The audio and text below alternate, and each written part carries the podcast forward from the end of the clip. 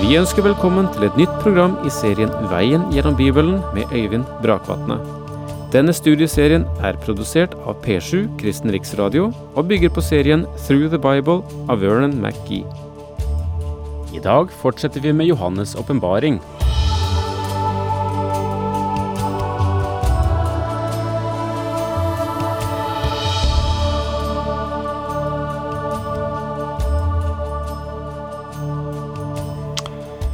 Vi befinner oss i det fjerde kapittel, og her er selve scenen himmelen. Og vi får se inn i ting som ingen tidligere har eh, sett, men som eh, Johannes har fått beskjed om å meddele.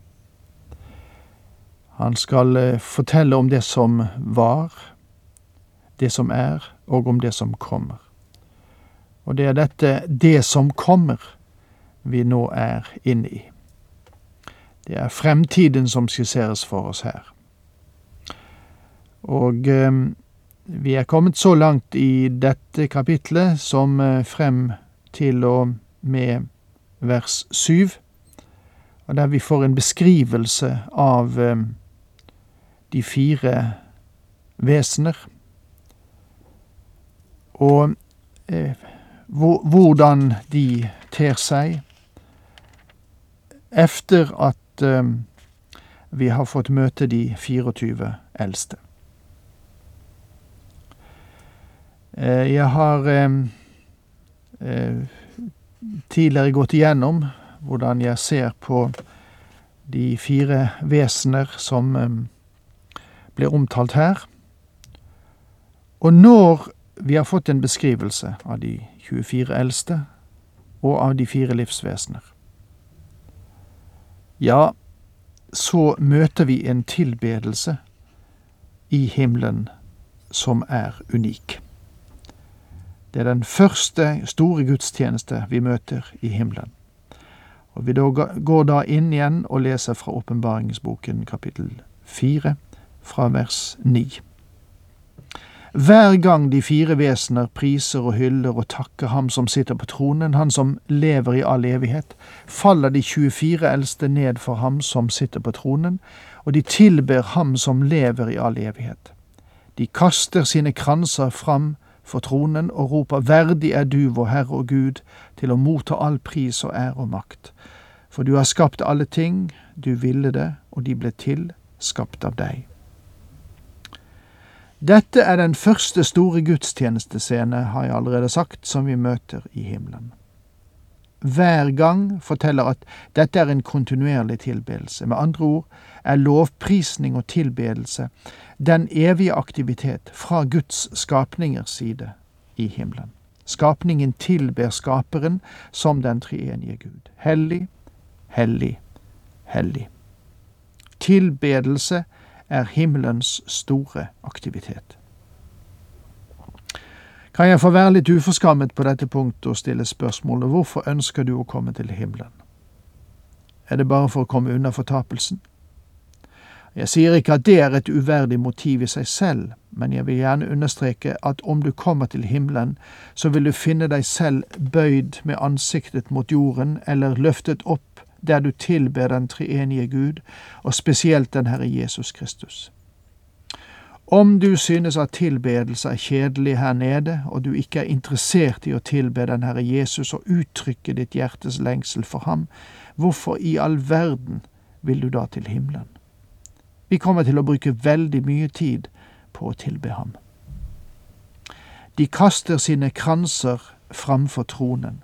Menighetens kranser eller kroner legges for Jesu føtter som en handling som skal uttrykke undergivenhet og tilbedelse. Og jeg tror vi ville kjenne det pinlig om vi vandret ut og bar en krone for hans åsyn. Kanskje det finnes mange av troens folk som venter seg en krone når de kommer dit. Får jeg eh, være frimodig og si at om vi får en krone i hele tatt, så tror jeg at etter at den første glans er borte og nyhetens interesse ikke lenger fins, så vil vi kjenne det pinlig. Hvorfor i all verden skulle vi bære en krone? Den eneste som er verd å bære den der oppe, det er den Herre Jesus. Derfor, om vi får den, så vil vi øyeblikkelig legge den for hans føtter. For du har skapt alle ting. Legg merke til at de levende skapninger er lovprisning og takk til Ham som sitter på tronen. Vi tilber Ham for Hans vesen, fordi Han er den Han er, men de 24 eldste som representerer menighetene, tilber ham ikke på grunn av hans vesen, men også på grunn av hva han har gjort. Her tilber de ham som skaperen, men de tilber ham fordi du har skapt alle ting, du ville det, og de ble til skapt av deg. Med andre ord løftes menigheten ut fra denne lille jord som Gud skapte, og de blander seg i tilbedelsen fordi han skapte denne jord her nede. Første Mosebok kapittel 1 vers 1 er nøyaktig, og menigheten tror det. Du ville det, og de ble til, skapt av deg. Årsaken til at Gud skapte denne jord, og at tingene er som de er, er fordi det var hans plan og hensikt. Det er mye av det han gjør jeg ikke forstår, og jeg skjønner ikke så mye av dette universet som jeg lever i heller, men jeg vet at jeg er skapt på dette vis, for det var slik han ønsket det. Det er han som har kommandoen, og vi skal tilbe ham fordi han skapte denne lille jord. Jeg er også glad for at han gjorde det, og jeg er glad for at jeg også ble akseptert og skapt i Guds bilde. Han kunne ha glemt meg, men jeg er glad for at jeg var en del av hans plan og hensikt for Gud. Vi tilber ham på grunn av det. Ja, jeg får vel dermed gi meg når det gjelder kapittel fire, selv om mangt og meget kunne vært eh, utdypet. Men vi går videre til kapittel fem. I kapittel fem fortsetter denne scenen med menigheten i himmelen sammen med Kristus. Og jeg tror at det er klokt av oss å bruke litt tid for å bli kjent med hvor vi går. Jeg er ganske sikker på at du ikke ville kjøpt deg et mål jord noe sted uten at du hadde sett det først. Det fortelles jo fornøyelig at mennesker gjennom tiden har kjøpt jord som egentlig lå under vann, eller som bare var sanddyner, eller som lå ute i havet. Nei, du vil vite noe om det landområdet du kjøper. Det er best å undersøke det først, før handelen finner sted. Derfor, om du ønsker å dra til himmelen, så tror jeg du ønsker å vite noe om hvor du går. Og det er en vesentlig årsak til at dette kapitlet burde være interessant for deg. I kapittel fire og fem møter vi menigheten i himmelen med Kristus. Den Herre Jesus sa til sine disipler, for jeg går for å gjøre i stand et sted for dere, og der jeg er, der skal også dere være. Som det står i Johannes 14. Vi skal være sammen med ham. Scenen i kapittel fem er også satt i himmelen, forut for de hendelser som utgjør den store trengsel. Siden menigheten er i himmelen med ham, forstår jeg det slik at han ikke går gjennom den store trengsel her nede på jorden. Må jeg få understreke at jeg ikke tror at uh, han henter sin menighet hjem fordi den ikke kunne klare de påkjenninger som trengselen skulle innebære. Han kan nok styrke sin menighet. Gjennom alle tider har kirken båret trengsel. Tronen var i sentrum i kapittel fire.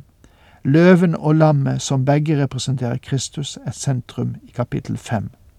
Han er lammet på tronen, han er både hersker og frelser. Han har full kommando over alle hendelser som følger i denne bok. La oss ikke miste ham av syne. Og jeg så at han som satt på tronen hadde en bokrull i sin høyre hånd. Det var skrevet både inne i den og utenpå, og den var forseglet med sju seil. Dette kapitlet begynner med et bindeord, en liten konjunksjon som forteller at noe har gått forut for det som nå sies. Dette er den strengen som knytter oss sammen med kapittel fire. Faktisk trenger vi ikke en kapitteldeling på dette punkt, fordi det er samme tema som behandles. Jeg så, skriver Johannes, altså han er vitne til hendelser. Dette er noe han ser. Johannes ser, og han hører. Guds ord burde gripe og holde fast alle våre sanser, selv lukt og smak. For eksempel synes jeg at eh, det finnes visse scener i åpenbaringsboken der du nesten kan lukte både, både ild og svovel. Gud, Faderen, holder her i sin hånd en bokrull som er rullet fast sammen og forseglet med sju seil. Og får jeg peke på at romersk lov krevde at et testamente ble forseglet sju ganger, noe som blant annet testamentene Augustus og Vespasian etterlot seg, kan bekrefte. Selv om det er interessant at dette ble brukt, så vet vi at i åpenbaringsboken er tallet sju ikke bare et tilfeldig tall, og det ble ikke brukt her fordi man brukte det i Romerriket. Walter Scott beskrev denne bokrullen som åpenbaringen av Guds hensikt og råd angående verden. Det kan vel eh, være mye i det, men det er vanskelig i ett og alt å beskrive innholdet i denne bok. For dette er selve grunndokumentet. Det er eierdokumentet. Du husker kanskje at da Israels folk skulle føres i fangenskap, da fikk Jeremia beskjed om å sende sin tjener for å kjøpe et jordstykke og få odelsretten og innløsningsretten til det, for Gud lovet at dette folk skulle få vende tilbake til sitt land. Hvem har odelsretten til denne jord? Det er ingen andre enn den Herre Jesus. Han alene har den. I Daniels boken kapittel 7, vers 13 og 14 leser vi. Videre så jeg i mine nattsyner. Se, med himmelens skyer kom det en som var lik en menneskesønn. Han nærmet seg den gamle av dager og ble ført fram for ham. Han fikk herredømme, ære og rike. Folk og stammer med ulike språk, alle folkeslag skal tjene ham. Hans velde er et evig velde, det skal ikke forgå, hans rike går aldri til grunne. Dette antyder, tror jeg, at det som ble overrakt den Herre Jesus, og vi vil se at det blir overrakt ham, er odelsretten til den verden der du og jeg lever. Han skapte den, han forløste den, og den tilhører ham. I profeten Zakaria som en bok du må kjenne til for å forstå åpenbaringen, så leser vi Da jeg igjen løftet øynene, fikk jeg se en flygende bokrull. Engelen spurte meg, Hva ser du? Jeg svarte, Jeg ser en flyvende bokrull som er 20 alen lang og 10 alen bred. Så sa han til meg, Dette er forbannelsen som går ut over hele verden. Fra nå av skal hver tyv utryddes etter det som står i bokrullen, og enhver som sverger skal fra nå av utryddes etter det som står i den. Denne flyvende bokrullen er den samme som den bokrull vi har i åpenbaringsboken. Og med det må jeg si takk for nå, Herren med deg.